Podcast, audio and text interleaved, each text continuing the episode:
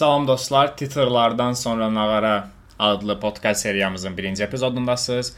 Bəli, biz bundan əvvəl Kim Soruşdunun ən son epizodunda bildirdik ki, artıq kinolar və seriallar haqqında ayrıca bir ə, podkast seriyası, ümumi bu gündəm haqqında isə ayrıca bir podkast seriyası eləyəcəyik. Ki hal-hazırda iki seriyamız var onsuz da. Biri Kim Soruşdudur, biri isə indi qulaq asdığınız və bu epizoddan etibarən başlayan Kim soruşdudan fərqli olaraq bu səfər ikimiz e, olmayacağıq. Məşqlə mən olacağam. Yeganə fərqli Zaten olmayan cəhətlərindən biri də odur ki, Elşən sözümü kəsməyə yenə davam edir. Yəni, Və yenə də heç birini soruşmamısınız, o da var, amma okay, amma biz Ha, fikirləşik bu səfər kim soruşdu zarafat eləməyin. Birbaşa ban eləyəcək, xəbərdarlıq eləyirik. Hə, onu, onu danışmamışdıq əvvəlcə əslində. Qoydum. Mən Okay. diktatora. Okay, açığı məncə də yəni biz demək ki, bu əslində biz elədik biraz da, yəni amma Ya biz yenə kontekstimiz var. Adamlar Bir də izləyicilər- qoyuram eləyirlər. bəyənirlər, bir də rəyləri falan. Yəni neçənci epizod idi kim soruşdu da. Öldü uşaqlar o tema. Story qoymuşdum ki, nəsə danışmaq istədiyiniz mövzu var, biri yazmışdı, kimi soruşdu. Mən o anonim mesaj söhbəti var idi storylərində. Orada belə biri mənə yazmış Yox, mən ki, kim soruşdu. Eynə. Belə. Nəysə, biz bugünkü epizodda danışacağıq ə, Thor haqqında, Thorun ən son filmi və oğlanlar, yəni The Boys serialı haqqında. Birinci məncə isti-isti bəyəxanım Thora baxdığımızda Thordan başlayaq. Eynə. Thor Love and Thunder. Thor Love and Thunder, bəli. Bəli. Təndir. Okay, buyur Əşən, sən başlayırsan. Eləməliydim o zarafat tam olsun. okay, e, mən birbaşa uzun monoloq eləməyəcəm, amma bunu deyim. Təsəvvür eləyin ki, əlinizdə belə bir şey var. Bir əs baş qəhrəmanınız Thordur, hansı ki, bundan əvvəlki filmlərdə qardaşını, atasını, anasını və sevgilisindən ayrılıb. Bunları itirib sevgilisinə ayırıb, ana vətəni gözünün qabağında darmadağın olunub. Bu baş qəhrəmanımız, baş düşmənimiz qızı öldüyünə görə Allahların, tanrıların daha doğrusu tanrıların öldürməyə and içmiş biri və üçüncü e, yan rolda deyə biləcəyimiz Jane Foster da xərçəng xəstəliyindən əziyyət çəkən başqa bir personajdır və bunlar bu qədər gördüyünüz kimi dramatik e, ünsür deyim. Hamısını birləşdirəndə janrımız nə olacaq? Təbii ki, komediya. Bəli. Albert'in də Schindler'in siyasi olmalıymış kimi. Bu arada bu filmdən yarım saat əvvəl Schindlerin siyahısına baxıb girdim. yəni açığı bu qədər ə, personaj yaradıb, bu qədər arxa fonda hekayələr, yazılmalar, nə bilim, baş verən hadisələr. Yəni bunların heç birimi personajı düzgün formalaşdırmağa kifayət eləmir. Yəni Bilmirəm. personajlar belə axmaqdılar? Sualımın yazanlar. Bozbaş Pictures'ın yazarlarıymış kimi E, istəyirlər. konkret hansı kinoya baxanda 10 10 dəqiqədən bir baxırsan ki, elə bir Recep İvedik'in yeni filmi çıxıb. Yəni prosta Marvel etiketi ilə çıxıb. səsləri ilə zarafat Ya, eləyirlər. keçiləri bəyəndim mən açığı. Yəni, keçilər sən kimlərsən? keçiləri məsələn oyuncaqçısı gedib alaram çünki kapitalizmin köləsi falan. Yəni çox bax dəhlisizdir hər şey. İlk başlayanda özdə dramatik başlayırsan, a nəsə eləyiblər görəsən falan. Sonra Reske birdən-birə tor çıxır, çəkici ilə danışır, sevgilisiymiş kimi danışır falan belə. Orada bir səhnə var idi. Ə, bu əlindəki silahın adı nə idi? Yox. Stormbreaker. Nə idi onun adı? E, Thunder, Storm Stormbreaker falan. Stormbreaker. Nəysə də bunun o, ə, təzə silahı. balta, balta. Balta Başına pivə tökdü onun. Hı, Yəni eynə. başına niyə pivə tökdü? Niyə danışırdı? Amma Danışsın ya ki, bu bir komedik ünsürdür də, sənin dediyin kimi ünsür. Amma məsəl üçün ə, Mjolnir nə danışır falan filan. Orada belə relationship sayağı bir şey düzəldiblər. Zatçı okeydir onlar amma ona. başını literally sözün əsl mənasında pivə tökmək, yəni bu harda görülüb? Yəni bu bunun yəni Thor indi mifologiyada pivə çox ki, hə, nə bilim, bilmirəm. Bir ciddi-ciddi gəldi dedi ki, ha, okey, sən də pivə iç falan belə. Zeus da var idi bir ara. Bambu. ayda Russell Crowe. Zeus niyə, Zeus niyə var? Zeusun yanına niyə getdilər? Ümumiyyətlə, o, o, şey nə idi? Bax, həqiqətən alsın deyə.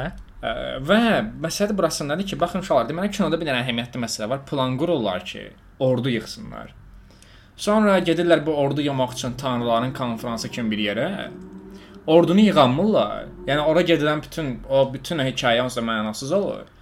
Ondan sonra da silahı götürürlər və bu silah əhəmiyyətli Eyni heç şeydir. rol oynamır. e. Eyni şeydir. Alam prosta Mjolnir'in rəngi dəyişmiş versiyasıdır. Yəni ildırım çıxır. Xe- Hər bir Biraz halda bükülür falan. bu silahın nəsə bir əhəmiyyəti oldu. Məncə onun bir əhəmiyyəti o Hercules oldu, Aftercrest ona görə Aha. prosta göstərdilər. Bax bu əslində gözləyirdim bu cavabı deyəsən. Çünki artıq Marvel-ın kinoları bilsən necədir? Birini çıxardaq, içinə bir nöqtə qoyaq, sonra birisi çıxsın. Elədir. Boş-boş şeylər. Məsələn, bundan əvvəlki bax artıq belə bir tendensiya var Marvel filmlərində. Ə, Multiverse of Madness-da da bu belə idi. İndiki Thor Love and Thunder-da da belə idi.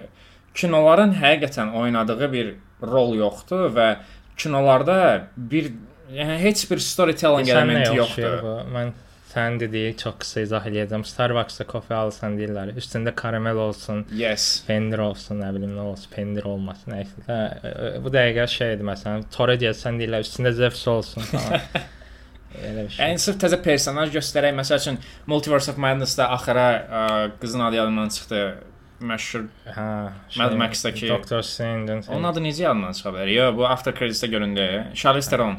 Charlize Theron orada saxdılar belə araya. Bunu göstərək. Burada çıxdı Russell Crowe, özü Zeus-dir. Adin yoxdur axı, o dini məhv elədilər. İndi də Zeus gəlsin. Gör Zeus gəldisə indi bütün Yunan mifologiyasını tökəcək rəqabamıza. yəni. Oradan Yunan mifologiyası yox idi yəni heç. Təkcə Russell Crowe var idi də, əlində də. Da bundan qabaq yox. Bundan əvvəl yox idi. ya. Bu da çox tanrı oldu. Bu qədər tanrını neynirlər? Necə bir, bir Aa, Misir tanrıları bax. var, Yunan tanrıları var. Şeyə belə ə, Gor idi də adı səfər Ha, məsələn Gor. mm, Christian Bale deyə ona. Neynədir Gor? Yəni bunun sonu nə oldu?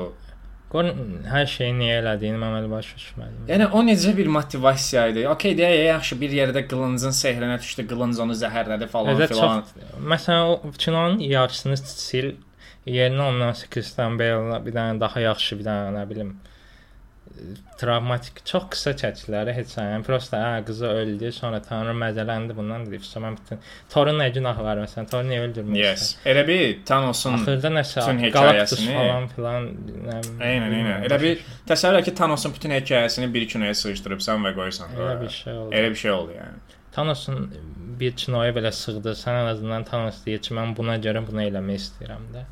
Bunu niyə elədin? Qızına Ay, çox- qovuşmaq üçün elədiyini ən axırda bilirəm, amma qovuşdu mu? Qızı Çox necə qayıtdı vəbsə? Mən mən açıq orasını tam belə düşmərəm. Məsələn bu Eternity nəsə elədi, bunun qızı qayıtdı. Okay, qızı qayıtdı deyə. Qızı niyə ilə uşağı kimi oldu belə? Şəkildə o dedi O də.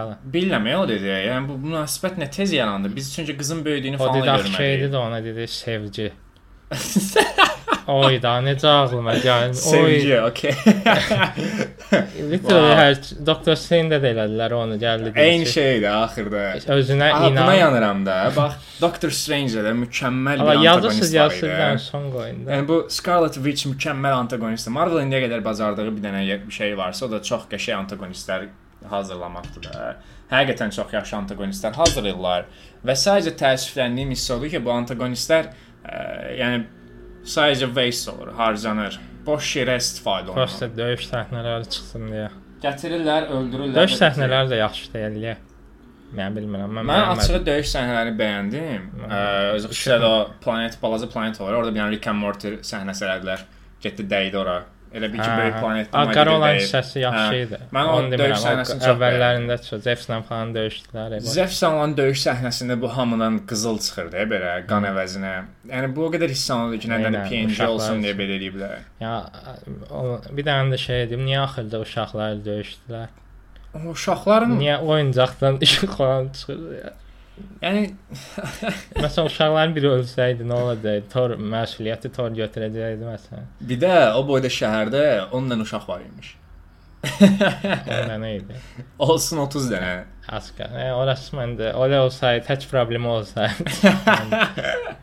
bilmirəm, mən kino həyat izlədiyim ən pis Marvel filmləri arasına girə bilər, bilmirəm, amma. Bundan sonra Marvel filmi izləmək istəmirəm, o qədər sıxıldım ya. Mən bax Black Panther-ə getmək belə istəmirəm, məcbur gedib danışıb söyməliyik. Multiverse of Madness-da da bunu demişdim. Burada da onu dedim. Bu kinolar həqiqətən artıq heç nə vermir. Yəni uzun bu böyük bir sxemin tərkibində kiçik rol oynamaqdan əlavə başqa heç bir rol oynamır bu kinolar. Yəni sadəcə baxırsan ki, bundan sonra kinona rahat baxa biləsən. Bir də dəxilsiz zarafatlar var idi. Çox heç gülmədim heç birinə zarafatların. Məsələn, yadıma sal biraz, yəni ətim tökülsün. Bilmirəm, yadımda deyil, niyə gülmədim. Qoy fikirləşim biraz. Ay, Kino budur bax, bir sapına evə baxmışıq.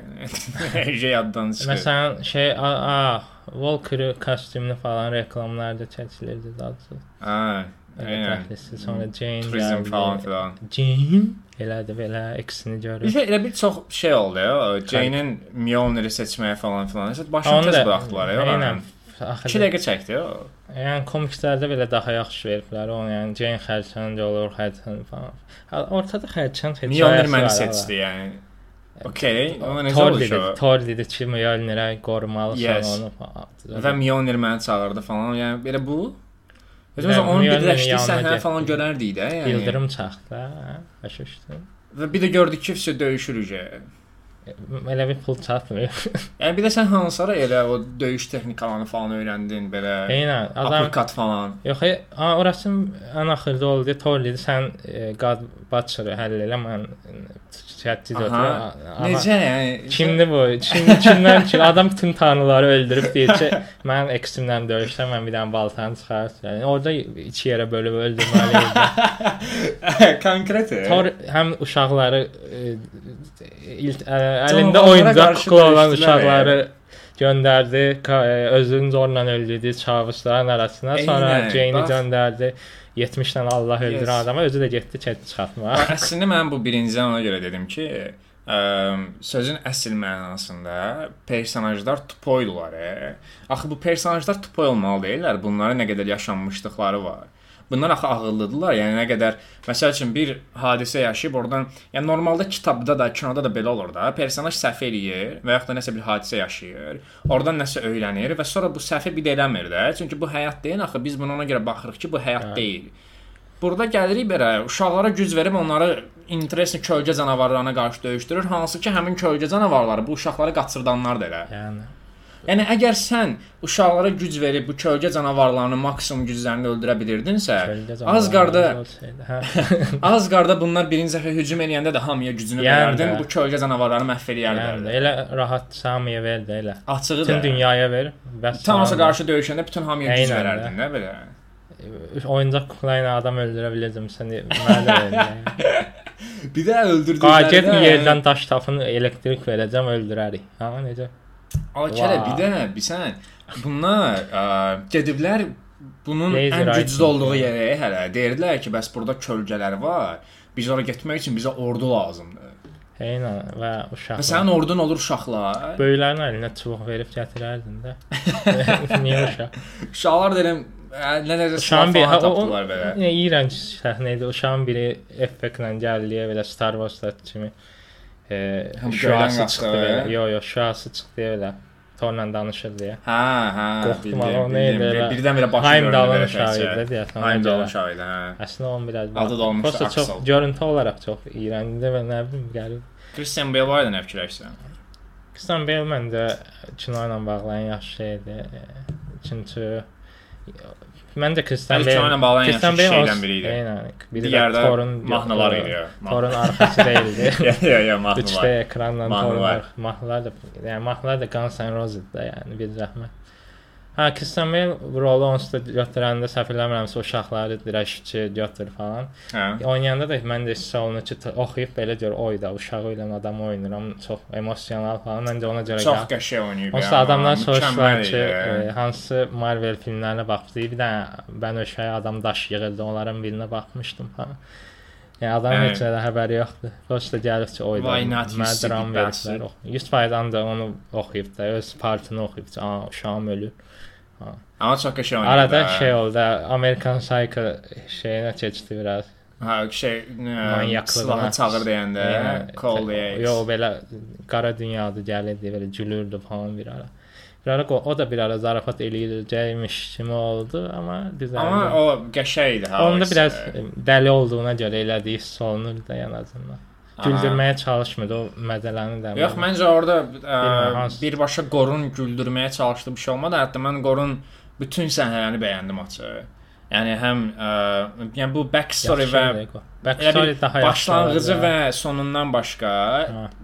Ə, qorun qor olduğu hissələr mükəmməl idi hətta məncə. Yəni həqiqətən ondan yuxarı nə, nə ola bilər ki onsuz Yəni. da. Və çox yaxşı eləmişlər o hissələri. Döyüşməsi, döyüş stili çox qəşəng idi. Özünün biraz arıq olması, amma qılıncın özü boyda olması falan kimi detallar özü bilsən necə şey oxşuyurdu. Dark ə, Dark Souls personajlarından birinə oxşuyurdu. Qılıncla boyda, özü Eynən, belə interesting sifəti falan var. Döyüş tərzi də oxşuyur. Ha. Yes. Amma ki yaranmasıyla sonu çox Mən daha yaxşı çay idi. yazarım bilirsən. Ha? Mən 2 saatı daha yaxşı çay yazarım. Məncə də yazarsan yəni. Yəni 3 dənə əlində çox böyük dram şey var. Adam hər şeyini itirmiş adam. Niyə onu və Guardians of Galaxy var deyir ki, orada. Onlar niyə var idi bu arada həqiqətən? Nə yollarını ayırmaq üçün Yox, treylerdə qoysunlar, cəmaət gəlib baxsın deyə də. Hə, elə treylerdə qoyduqları səhnələr idi kinoda Kinonun gördüklərimizdə. hamısı treylerdə gördük də bir dənə sonda görmədik. Yəni kinoda treylerdən əlavə oynadığı rol bilsən nə oldu? Jane öldü. Thorun təzə qızı var uje yeni qəhrəman, yəni. Başqa başqa Zeus gəldi. Zeus və Zeusin oğlu. Zepsi bir ara ölmüş kimi elədilər. Ölmüş Çox adamı sıxıldım ikinci avtokreditə bundan. qaytardılar. Bundan çox sıxıldım. Bir də ölməməkləri ölmədi? falan. E, kimə, ölmə- ölsün kimə də niyə ölməsin? Ölmürsə niyə yaralandığın Kog, yarım saat Kog dram edirsən? Kog idi, nə idi? Onun yenə ölməməsini başa düşərəm. O birini dramatikləşdirsən, o idi bir. Şeydə oldu ya, Spider No Way Home-da. Tobini bıçaqladılar, hamı dəli oldu. O nə oldu, nə oldu? Post dedi. E, məni də bıçaqlamışdılar. 3 il qabaq. Yadınızdadır? Hə? 70 il əvvəl kinoda. Hə, hə. Orada da elə belə qutardı kino. Həqiqətən öldürməyəcəklərsə, ən azından birini yoxlasınlar. Yox, bir hə, nəfər yaralansın, də yaralansın. Mən demirəm yaralanmasın. Amma effekti vermə də, bıçaq girir, baxır belə slow motionda belə sifəti yaxınlaşır, hamı no qışqırırsan deyir ki, ağrıtda. Ha. Elə kinoda çox düşürsə da də heç hə, böyrəyim düşdü falan eləyir belə Hə. yəni. Çaş başını düşər. Artıq özdə şey məsəl üçün yadında bu və də dedi ki, Jane mən- ilə danışır. ə, Sonra Hə, Xəstəxanada. Valkyrie ilə danışır, deyir böyrəyim düşdü falan filan. Bir dəqiqəlik söhbət bütün ışınlanır getdi döyüşə. Sənin döyüş hazırlığın budur. Oradan heç çox mənasız olan çox necə şey var. a kişi sən tək gedirsən. ışınlanır gedir. uşaqları gətirməyə, bununla maraqlanan, bundan bir plan quran, bunu nə mala bir ya bir Yəni düşüncə də, Avengers, bir qabaq Avengersda falan həmişə heç olmasa bunlar olurdu da. Hə də, ən, danışırdılar. ən azından bir əvvəlcədən yığışırdılar, söhbət edirdilər. ışınlanıb gedə bilirsə, bir niyə o boyda qayıqla Ya bu səfər təzə silah var idi da, Zevsin silahı. Zevsin silahı ilə nişanlandı da belə. onsuz da gedə bilirdi də, gedə bilmirdi. Silahını götürmüşdü da qo. Yox da getdilər, sonra Orda planetdə döyüşəndə Qorbun silahını götürdü. ondan qabaq var idi də, Zefsin silahı Hə, da var idi. Onda niyə getmədilər ışınlanıb? Maraqlı sualdır. Yəqin yolu bilmirlərmiş. Getdilər, yolu öyrəndilər. Checkpoint açıldı elə. bil. Yes. Oyunlarda ola bilər. fast travel olur, ya, GTA San Andreas'da falan. Aha. Ən ən o çətin. Aha bir də hə, insanlar. bu Heimdallın uşağını öcə Hə, ön plana çıxartdılar ki, hə, okey, Heimdallın uşağı da var, bu böyüyəcək falan. nə bilim mən. Kino ilə bağlı yaxşı şey onda bir dənə Christian Bale-dir. Onu da yaxşı. Christian Bale-i çox işləmişdilər. bəyəndim, ondan sonra heyf elədilər. Və Başqa? bu Christian Bale-in qızının niyə gözündən yıldırım şey, yıldırım yox, lazer çıxırdı? O nəsə Özdə heç hərdən belə o necə oldu? özünün gücü yox idi axı. Niyə bu çıxdı? E, onlar normal insan deyildilər. Ya sən orada məsələ var. Başqa planetin uşaqları da hamısı. O Yəni, uşaqların hamısının gözündən lazer çıxır. yəni yəqin öldürməsələr çıxarmış falan. Nə kimə açıqlama borcu hiss eləyirlər. Heç nə hiss eləmir. Random bir yerdən canavar çıxıb hamısını öldürə bilərdi yəni. Adam oyuncağın gözündən işıq tut. Oyuncaq ayın gözünə işıq çıxırdı. Sən Aynen, uşaqdan aynen. təəccübləndin. Konkret. Yəni mən bir çox də- cringe oldum mən. Bunun müəllifi də Taika Waititi-dir. Mən bu adamdan Void. Sən onun Waititi. Eee, heç olmasa biraz effort da, yəni Yəni okey, uje bisən yaxşıyır. Sözün əsl mənasında parodiyadır bu. Amma Super qəhrəman parodiyası. İlk başlayanda şey olur ya YouTube-da belə şey var ya bir dənə how should it end it falan kimi Aha. belə özləri çəkirlər gülməli olsun deyə. Kofi o idi ya. Heç bir Yəni fərqi yox. özü şeydə orji zarafatını nə qədər elədi belə Zeus. Hə, sən orjimə artıq dəvətli deyilsən. O da burada deyir ki, yox sən tanrısan, sən yaxşılıq eləməlisən. Yox sən artıq orji zarafat, orjiyə dəvətli deyilsən falan. Okey də yaxşı. Siz uje böyüyübsüz də orji zarafat edirsiniz. Marka Okey. Necə pornonun əvvəli idi elə bil. Pornolarda olur, əvvəlcədən bir Eynən. 5 dəqiqə falan ssenari olur belə. Necə mən orada gözlədim ki, hə, fısı soyundu, qızlar belə ah falan oldular zət. Sonra bir də oldular. Yəni əyninə paltar geyindirəndə qızlar belə baxdılar ki, orada niyə geyindirdin? başa düşmədinizsə niyə Bəsdir oldu. də, bu nə Sonra, qədər eləyəcəksiniz? sonra qızlara da elədi, qızlar tez şey elədi falan. Hə, yəni. Onu zə- heç olsa eləməyin. Yox, yox eləməyin, biz burdayıq onsuz zət. Yenə soyundurulmuşam belə. Yəni bir dənə pornoqrafik animasiya var, adını bilmirəm. Latın ə, Latın nəsə bir dənə qəhrəmandır. Latın Orada da Okey. hekayə çox belədir də. Latın pornosu. Yəni bu konkret bunun elçisinə biraz da daha çox sözün əsl mənasında pornoqrafik elementlər əlavə eləsək, konkret porno olur da. Okay, çox sağ ol məlumat üçün. Ki olar ha, yəni o animasiya adını tapsam, bəlkə də bilən varsa reyə yazsın. Hələ də. Kinoya aidiyyatı odur ki, çox porno kimidir o hissə iminli. Eynən o Özü kostyumlar nəysə, falan. Mövzunu davam eləyə bilərdin amma mövzu bura getməsin. Sən çünki çox çıxamayacaq sonra. Yəni Ayrıca özü- bölüm eləyək bunu. Mən o da filmin bir hissəsidir. buna da başqa bir konsept fikirləşərik. Um, bu Ağlıma çox zarafat gəlir, düşün eləməyəcəm hə. çox təəssüflənirəm sadəcə. Scarlet Witch, Mən getməmişəm. orada olan personajlar, burada olan Gore, onun əsas Mən bilsən motivasiyası ən çox ol- şey olur, kinonun çıxmamışdan qabaq e, jurnallarda falan reviewları olur, e, nə bilim IGN falan filan. Elə belə baxırdım. E, Bir yazmışdı, izlədiyim ən gülməli şey film, Marvel filmi. Orada da mən dedim ki, "A, Ha, bu bir də gülməli də deyildi. gülməli e, Schindlerin siyasi daha gülməli idi. Heç gülməli deyildi. Yəni bu gülən keçilərdən başqa mən gülməli bir şey görmədim. Yəni o fikirləşim. gülən gülməli keçilər var. gülməli idilər amma. Gülməli zarafat fikirləşim. Gülən keçilərdə mən sənə niyə gülürdüm açığı? Çox absurd idi. O tam Taika Waititi komediyası kimi idi elə. Keçilər konkret insan kimi qışqırırdılar belə və Hı. onun da videosu vardı. Onsuz da hamının burada bildiyi Yəni. məşhur bir video. Ona mən hər baxandan sonra gülürəm yəni. Həm beynin olacağını çıxmıram. Nəysə, sən bir dənə danış mən gülməli zarafat fikirləşəcəm şeydən olan, Okay. kinodan olan. Okay, mən aslında bir dənə mən bir şeydən danışmaq istəyirəm. Bu qılınc var idi. Bunun lənəti, nə bilim, bunun ə, insana toxunanda zəhərləməsi, eternity anlayışı falan. Bunlar o qədər belə mükəmməl, nə bilim, mifolojik deyil, necə deyim, buna kainat elementləridir də. Burdan bir sən bunu konkret süzmək olar, e, belə Yəni, oradan lən- lənət çox şey Oradan nə qədər əsər çıxartmaq olar. e, Belə çünki Eynən. Scarlet Witch-də də eyni söhbət var idi. Kitaba toxunursan oradan nəsə lənət olur falan. Qılıncı konkret parçaladılar. E. Mononake kimi. Yes. Qılınc getdi boş yerə.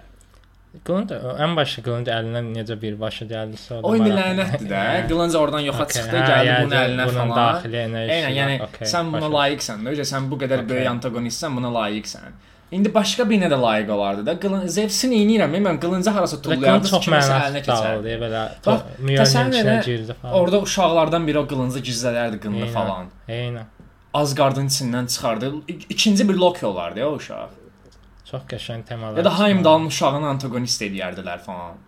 O qılıncın qınını gizlədərdi. Ümumiyyətlə bu kinonun içində olan elementlərdən çox yaxşı dram filmi çıxartmaq olar. Çox he. Logan tərzi belə o e, Watchmen Logan tərzi qaranlıq belə e, hər şey mən Thor məsələn üzə hər şey itirəndən sonra qəhrəmanının mən elə bir şey işləyiblər əslində belə tam başa düşmür falan. Sonra Homelander tərzi bir şeyə dönüşdü. Thor gəlib Nəsə boş-boş söhbət eləyir. Aynen. Onlar depressiv olacaqsa da nə bilim getsin qıraqdakı mən niyə kimisə xilas eləyim, onsuz da hamını itirdim, niyə mənası var.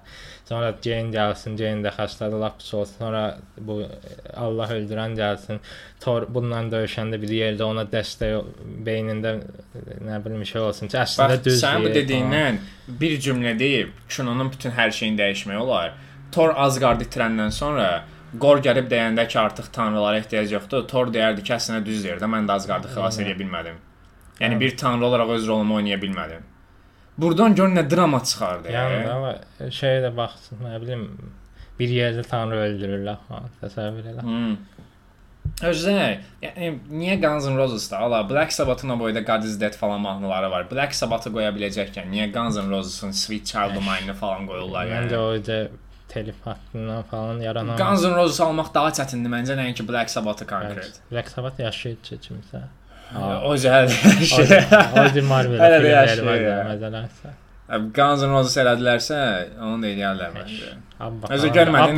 Hayım Dalan uşağı bir yerdən sonra deyirdi ki, mənim adım Axel'dır. Axel Rozazı görə. Oyda onu da davamlı elədilər. Bir dənə elədilər, yarım saat elədilər onu. Ha, yo, Gen Z axıca şeydir. Məsələn, mənim adım Elon Musk'ın oğlunun adı kimi random alfa, beta, gamma, Z-dir də, yəni bu mən öz kimliyimi özüm seçirəm falan. Mən artıq viking deyiləm. Mən bir başqa gözlədim. O Zeus-la döyüşəndə dedim, tam bu mənim köməyə ehtiyacım yoxdur deyən yerdə şey gələcək, e, Bale gələcək, onu da dedi. Hə. Ha. Dedim bəlkə onda idi. Ayda bax görsən, danışdığımız şeylərdən elə mükəmməl Yoxsa çıxar. Zeus və Thor dedi ki, I killed Zeus. Ha ha ha. Aha. Sonra onu da heç şeylə bağlanmadı. Də, bax biz bir dəfə də bunu söhbət eləmişdik. Kinolar bu xüsusilə Attack on Titan da belə bir mövzu var idi. Açığı e, ətrafındakılar bunu dediyimə görə bəyənmirlər. Ə, Aha. mən Attack on Titan barədə bir şey demişdim ki, Attack on Titan öz kainatına sadiq qalmadı deyə mənası yoxa çıxdı da. öcə.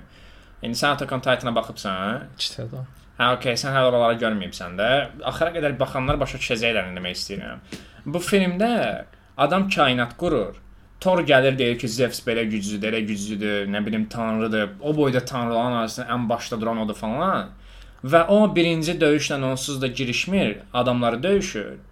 3 dəqiqə sonra da öz silahından adamı vurub aşırdırlar. Yəni Yəni Zeus budur. Zeus Bir də öz silahından ha, yəni.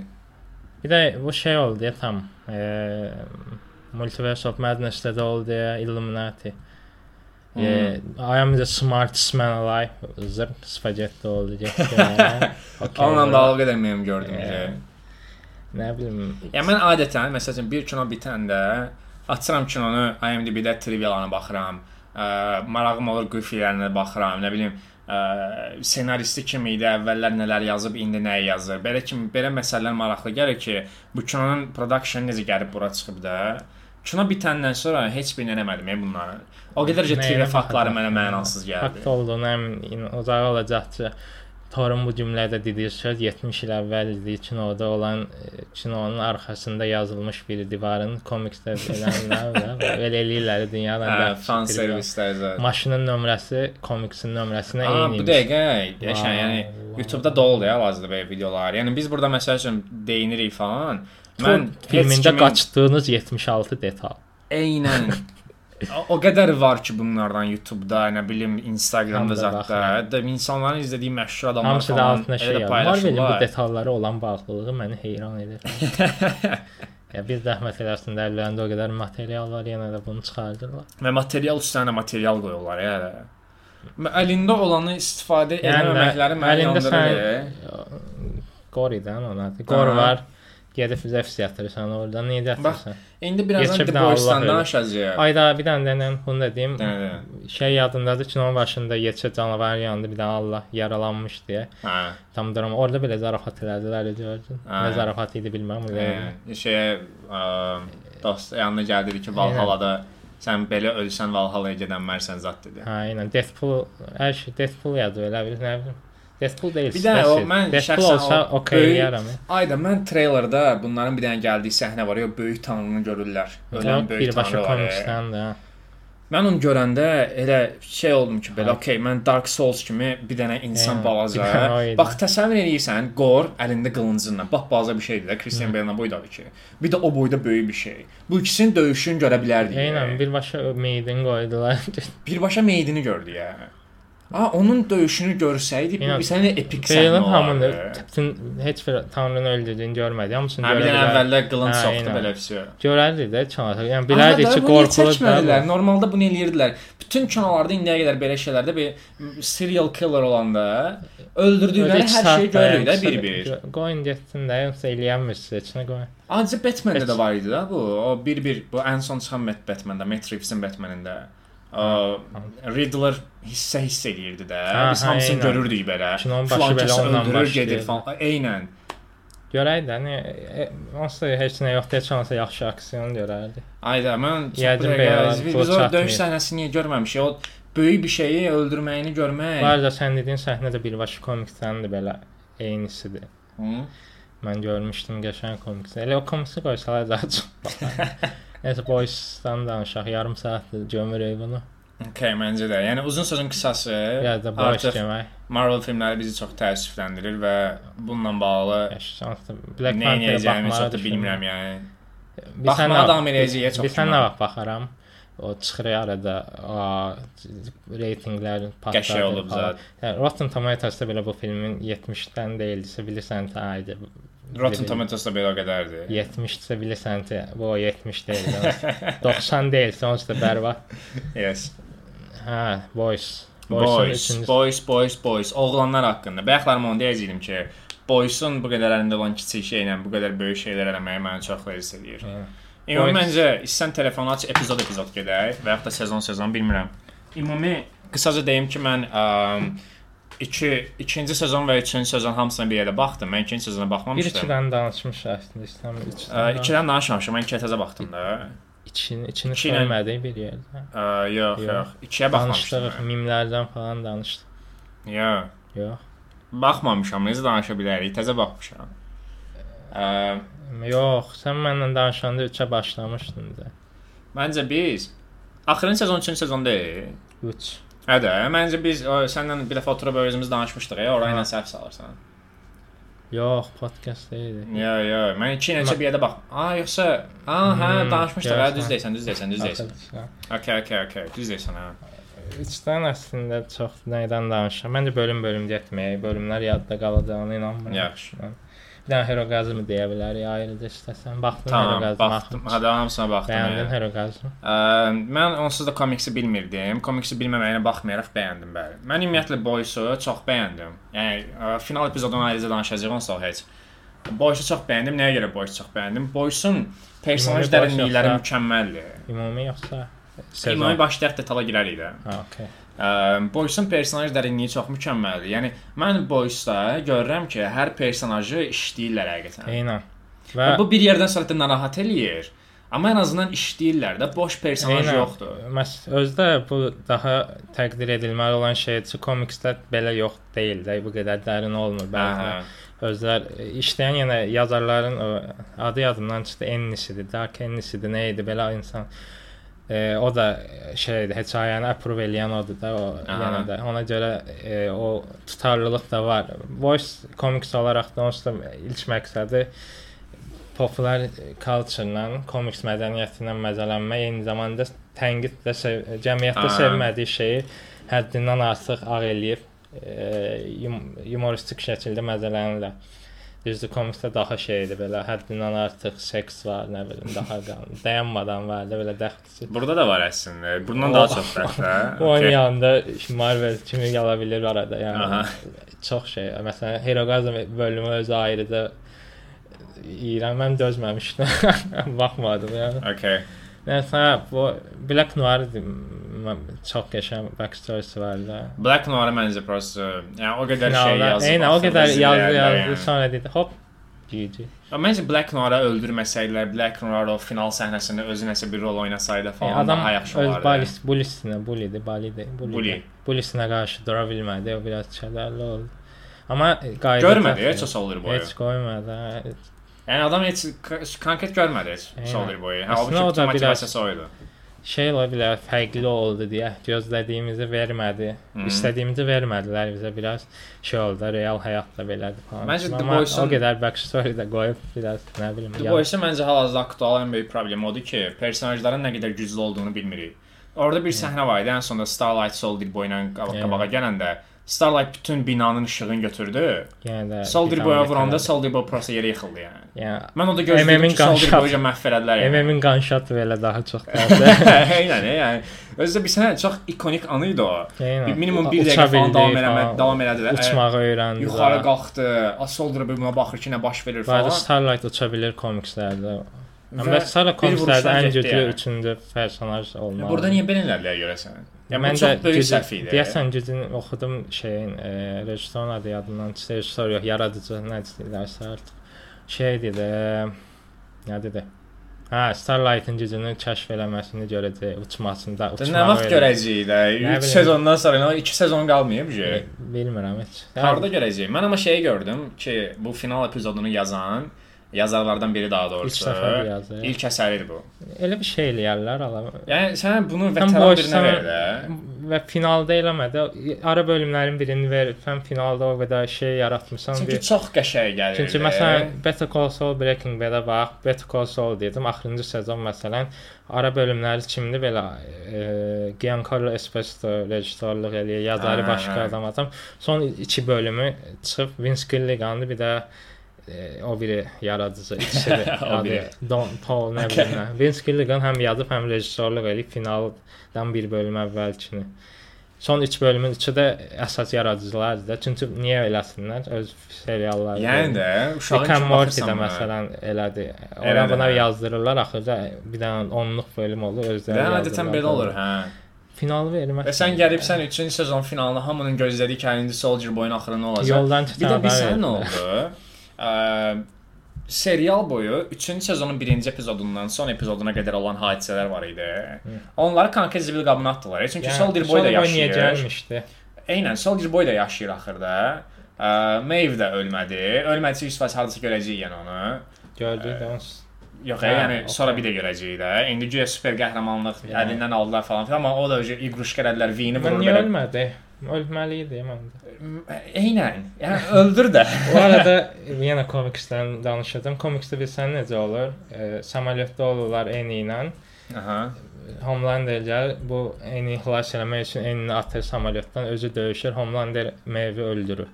Ölür də amma. Hə, yəni enini qorumaq üçün özünü fəda eləyir. Burada da elə oldu, dedim, a, ya, yenə yaxşı işləyiblər, Maeve özünü fəda eləyir. Və fə, ölməməsini başa düşürəm, amma başa düşmür, məntiqli uy- uyğun deyil. Amma Havada patladı həm bu. Aha. Gücü getdi yəni. Sonra 12-ci mərtəbədən aşağı düşdü, bir dənə qol qırıldı yəni. e, çoxsa çili-çili olmalıdır, amma necə Cırıq süper cırıq gücü yox, olmalı, yəni çili-çili süper yox. gücü yoxdur. Özün dedin ki, gücü alınır patlayanda. Aha şey Kimiko Bina ayaq duramır. patladı, yala bina patladı. Adam deyir ki, "Əh, heç nə, zibil qabına düşmüşdü." Şey, effekti də Marvel kimi əllərdə. 4-cü sezona keçə bilsinlər deyə, yəni Homelanderla Ryan məsələsini birləşdirdilər. dəxli yox idi, ölsün. Yox, onu demirəm. Hə. Elə bil ki, bütün sezondan ona görə istifadə edildilər ki, artıq Ryan da pisdir. Ryan nə? Yəni mən məsələn 4-cü sezondan gözləyirəm ki, ə, bu Homelander axı cəmaət ortasında adam öldürdü də. Məsələ daha da böyüyəcək. Hitler fason bir şey olacaq. Eynən belə şeylər prezidenti falan öldürəcəyiniz adı gözləyirəm belə. Amma bir belə şeyə baxmayaraq, ə, bundan əvvəl yazılmış bölümlərdə hadisələr var idi. Və bunları niyə tullarlar ki? Məsələn, bunu hər bölüm elədi. Huy var Huy bizim qaqaş, bizim qaqa. bizim oğlan. Hər bölüm adamın motivi dəyişdi. Bəsdir də. bir saxla bir yerdə qalsın da bir Bir bölüm deyir ki, mən süper güc istəyirəm. O bir bölüm deyir ki, əslində o da yaxşı insan. Sonra deyir ki, hamını xilas eləmək. Bir bəs də. Bir də bu işin ən böyük problemi bir bölüm içində 7 dənə backstory baş izah eləyirlər. Hə. Bu sezon ancaq Kimiko ilə Frencinin boş-boş You are Monk. not monster. Monkör. Sən Monko sən Aa, vəhşi Kimiko deyilsən. məsələsini. hə. Hər kəs Ay. də ala bildi də. She's a maniac, maniac. o necə təxirsiz bir şey idi. Kimiko 3 sezonda dirəşir ki, bu super gücləri əlindən alınsın və normal insan olsun. 3 sezonda ağlaşma qurur. Axırda manyaka qulaq asaraq işini normal görən əsgərləri cırıq-cırıq elədi. Düz. Bir də parçalayır də da, yəni var, deyir. normal gəlib başını belə qır öldür da. Niyə cırıq-cırıq başına başına vurur, qan parçalar are not a falan. monster. Şey var idi, bir dənə səhnə French buna demişdi ki, hə sən canavarsansa get canavarlığını elə Sən falan canavarsan tökülüb. Canavar deyil. Ona asıram belə. saf şeytandır konkret. Özə gülə-gülə belə zövq alar. Yazıq laboratoriyanı qoruyan əsgərlərin nə günahı var? Onları niyə cırıq-cırıq Yaxşı edirsən? olur o falan. Başa düşdü ki, hər şeydə twist, Yox, o şey, bir də şey var. Starlight Jack e, Jack dedim, aktyorun adını dedim. Yəni Huyu gəlir deyir ki, mən güc istəyirəm deyir. Yox, sən şərəfsiz necə eləyə bilirsən? Sonra Kimiko deyir mən güc. Aa, düz. Sən yerdə gedib gətirim sənə birini. Eynən. Şey məsələsi mənasızlığına. Bu Compound V-nin temporary V-ni də, temp V-ni. 3 dənə, 5 dənə vuranda ölürsən. 4 dənə vuranda ölmürsən onda. Mən gözləyirəm yəqin 4-cü sezonu düzəldərlər. Mən bir sənə belə. gözləyirdim, deyirdim bunlar ölməsin deyə compound V vuracaqlar idi. Ümid. Aa, Məntiqli okey. olardı. Çünki Hugh- Hugh'dan Hugh'un da əriyirdi bəlkə də. Orada bir səhnə amma var yanında tam dolandan bağlamadılar da. Yenə bəlkə yenə davam eləyərlər. Ola bilər hə. 4-cü Butcher sezondan gələ bilər. Yəni indidən çox şey demiyor bu Butcher'ın ölümü azal, e, ömrü azaldı yenə də. Amma 12 aya yəni də çox şey sıxışdıra bilərlər ondan. 12 ayda çıx. Qoy bir ayda. Bir də məncə öldürməyəcəklər. yəni yenə compounddan zaten vuracaq. Olsa yoldan keçən ücə V Butcher vurur. komiksin axırını demişdim sənə. Yox. Orada hamı ölür, bir dənə Huyu ilə Annie gəlir. Axırda o ilk başda Robinin öldüyü səhnə var, əllərini tutur. Elə də qurtarır şey, belə Huyu qorxur okey. yenə falan. Pis. Mən amma şeyi çox bəyəndim. Ya bəyə bəz bəyəndiyim şeylər deyim. biraz çox gömdü, biraz. Ümumi, eynən, eynən. Yəni bu qədər gömməyimizə baxmayaraq uşaqlar, yəni biz əslində bəyənmişik. sevdik deyə. Ümumi sezonu bəyənmişik yəni. Sadəcə sonuncu epizoddan kədərliyik. Soldier Boy mükəmməl kastdır. Jensen Ackles. Çox super. Ümumiyyətlə The Voice-un kastı mükəmməldir. Bir də orada ə, fikir verdin detallar. Bax bu bu kimi kiçik detallar personajı həqiqətən yaradır. E. Bu 60-cı illərin, 40-cı illərdən bunun klipləri falan var. Ey, e, ayda belə. çox YouTube-dan çox falan baxıram. qəşəngdir ya. onlar. Çox bağımlı. Və onların tam versiyaları da var YouTube-da sən dediyin Çox kimi. ya. Çox belə əməli Və işləyiblər də, üzərinə personajı tam yaradırlar Yəni da, yola vaxt- vermirlər. Bizi o dünyada yaşatdırırlar ya, tam. O Ya, konkret ha, mən özümü Yəni. orada hiss edirəm. Yəni. Qordakı kimi 2 dəqiqəyə yola vermədilər Ya personajı. adamlar kino göstərirlər də serialdan əlavə bizə ayrıca kontent yaradırlar, heç ay yaradırlar. Nə qədər kliplər, reklamlar Eynən, falan, hə, şey, onunla bundan görmüsən, məzələnirlər. Narkotikə qarşı çıxışını görmüsən, sonra Gördüm, hə, görmüşəm, görmüşəm, yes. Ay Steve falan deyir. O bir onun bir dənə Kapitan Amerika versiyası da var. Eynən. Mən onun ikisini bir yerdə Elə gördüm onu- belə. Onu deyirdim elə. Ha, okey, okey. Görmüşəm hə. Hə.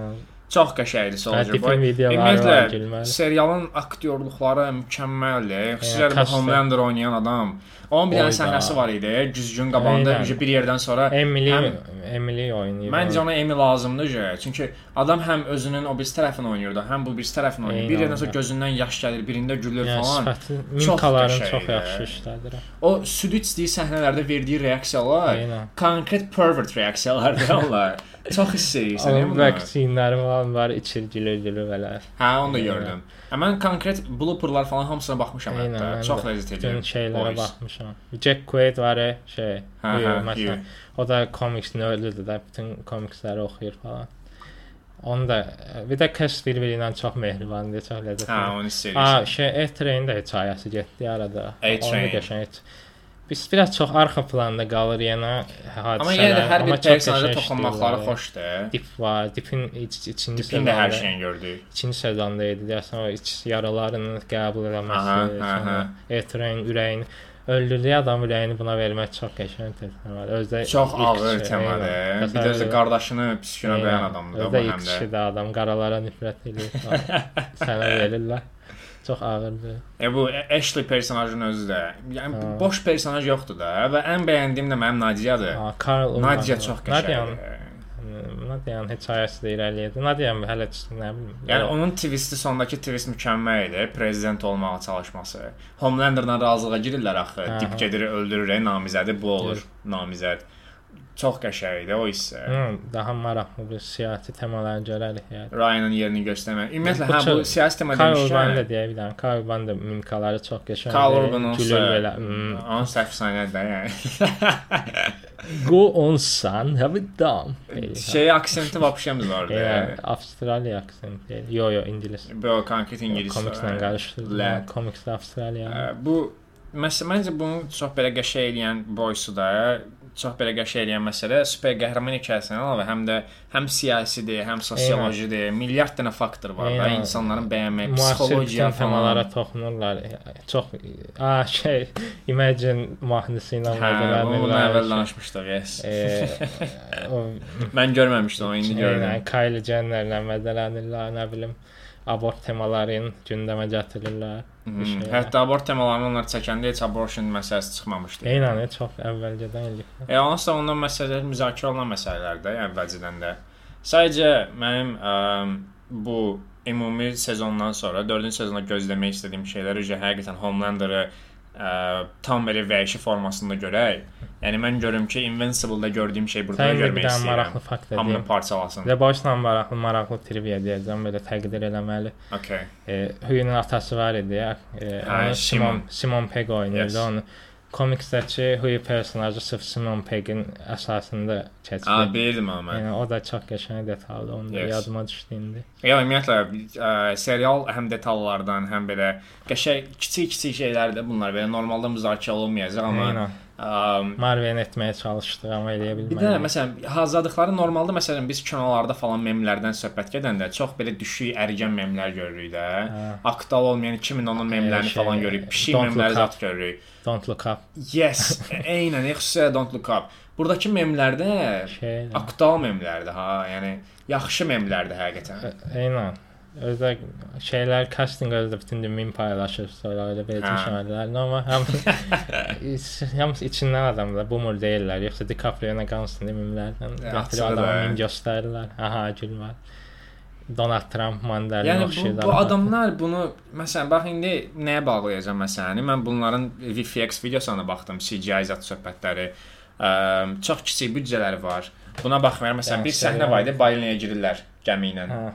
Orda balina realdır. Yəni həqiqi balina deyil, amma düzəldiblər də və balinanın özü bir setdir. Bu interior səhnə də var idi balinanın içində.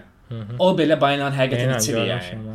Girəndə ağzı açılır ey balinanın. O belə realdır, yəni Şey həqiqətən avtomatdır. Girən kimi balinanın ağzı açılır. Şey var məsələn, döyüşürlər ilk dəfə Soldier Boy ilə Homelander. Aha. E, bu o da məsələn arxa fonda hamısı e, green effektləri prosta o, e, iplə qaldırırlar, falan. Yəni arxa falan hamısı durur orada. Bu bu çox qəşəngdir. Çünki bir dənə maraqlı məsələ var ümumiyyətlə kinolarda. Ə, CGI məsələsi tənbəlliyə yol açır. Eynən. Sənin büdcən nə qədər azdırsa, o qədər daha çox kreativ ola bilirsən. işləyir. Bu çox qəribə bir şeydir. Yəni bunun İstisnasız büdcələri azdır. Məsələn, orada bir səhnə var. Nadia ilk dəfə deyəsən ikinci sezondadır. Bir dənə CIA agentının başını partladır. Hə, Birinci hə, dəfə. hə. Məsələn, o səhnədə həmin o VFX-in supervisoru deyirdi, serialın supervisoru. Deyir ki, biz o səhnə üçün saatlarla, günlərlə, aylarla, həftələrlə işləmişik. Sırf o başın partlaması üçün. Ki deyir biz onun üçün o qədər çox işlədik ki, məqsədimiz o idi ki, bir dənə səhnə var konqresdə hamının başı Aha. partlayır. Orada o qədər öyrənmişdik ki, biz həmin səhnəni çox rahat eləyə bildik. Eynən. Bu vizyon budur bax.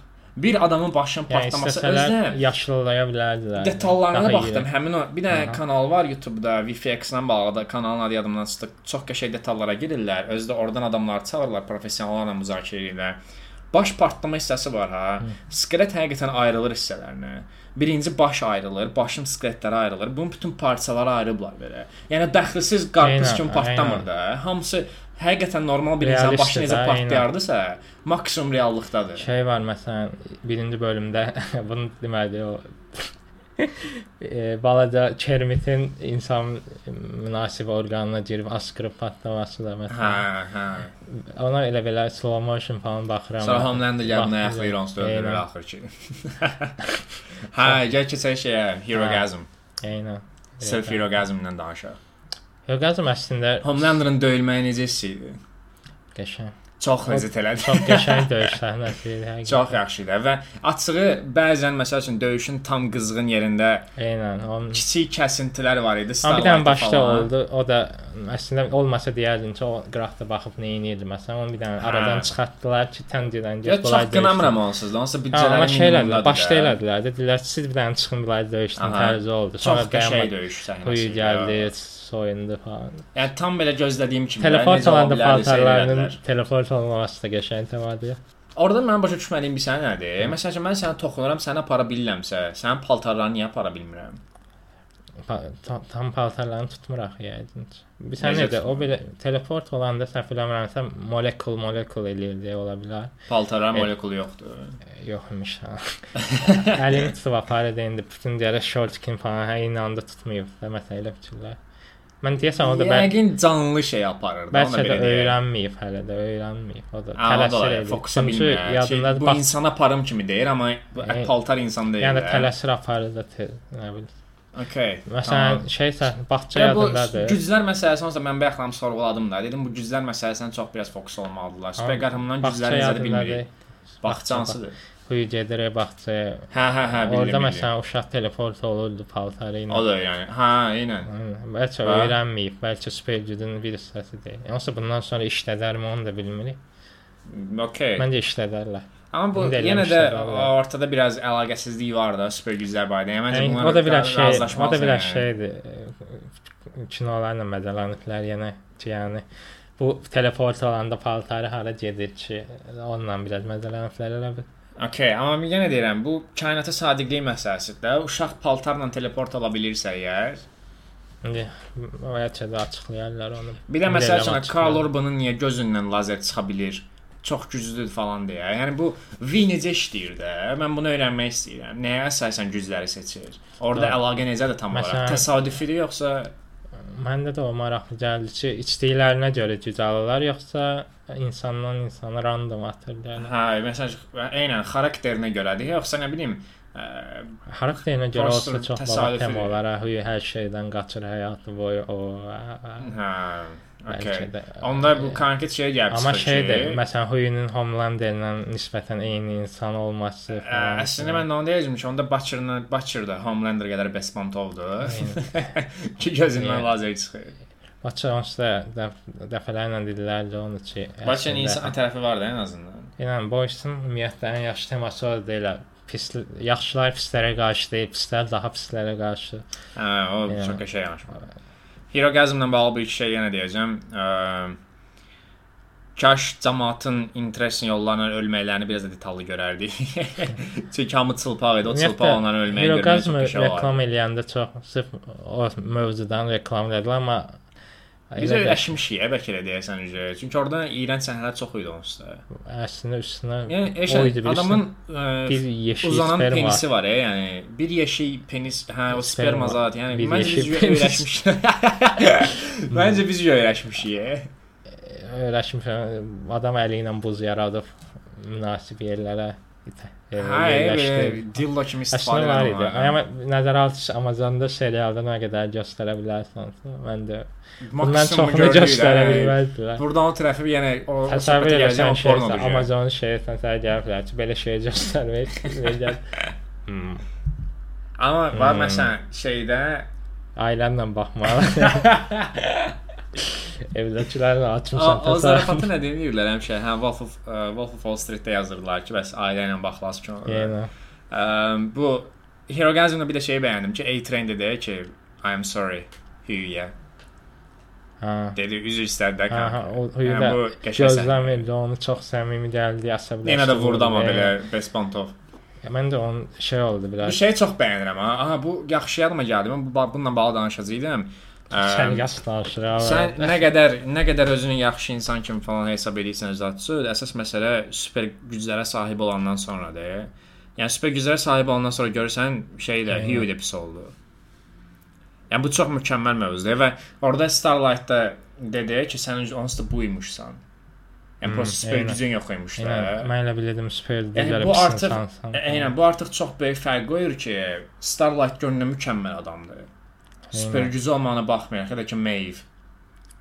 Yəni məsələn super gücü olmayan birinin Homelander'a baxıb yaxşı olmalısan Amma deməyə asandır Bir da. şey də var ki, məsələn də hüy təzə yaran adam ömür boyu əzilən tərəfdə olub, sevgilisi super güclü bir tərəfdə Yəni. ölüb.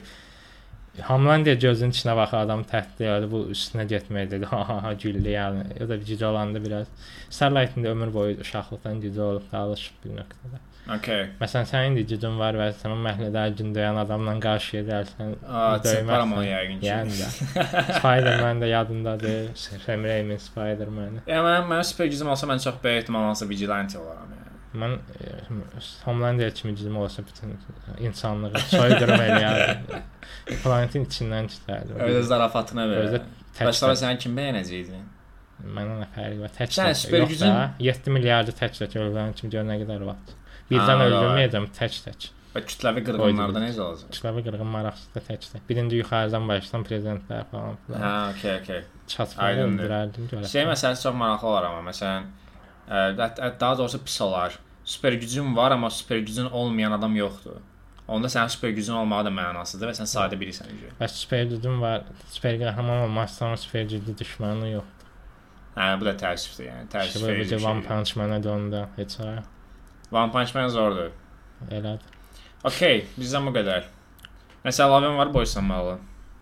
4-cü sezon mən Səbirsizliklə gözləyirəm. Eynən, heç ay yaxşı yerə gedib. Hə, yenə bu şey olsa, Biraz oldu boy. Heç olmasa birini öldürərdilər, amma heyf oldu. yəni son Ya, epizod Mən olsa Maivia tərs. olur boy. Nəysə də görə hara gedir. Okay, izləməyə davam qayıdacaq da var idi bilirsən.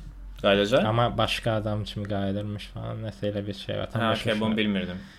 Görəcəyik də onsuz. Hə, hə. Prosta neçə ilə görəcəyik? Yenə çox gözləyəcəyik. Kimi? Yenə çox gözləyəcəyik deyirəm. Neçə ilə gözləyəcəyik? Yo, de baş avqustda başlayırlar çəkməyə. Ha, okay, super. Yəqin bir Tamam. çıxır. Bu qədər. Ümid edirəm bəyəndiniz. Adına yeri Əm, podkast. İki dənə şey haqqında titrlardan sonra nağara. Nağara səsi çıxardım, nəyə? Yo, nəsə çatmağa Yox, ehtiyac. nəsə səs Həmişə çatmağa falan ehtiyac soruşdu yoxdur. deyirdim, bilmədim nəyə. Prosta ki, bitiririk də sadəcə. Nəysə də Torun təndiri və Boys Oğlanlar. oğlanlar, Çox oğlanlar, sağ olun. Ümid edirəm bundan sonrakı oğlan epizodlarımızda daha maraqlı kino haqqında danışacağıq. Yəni ki, tor. Yes. Bu arada nəyisə seçək indidən. Nəsə danışırdıq biz ki, buna baxaq falan.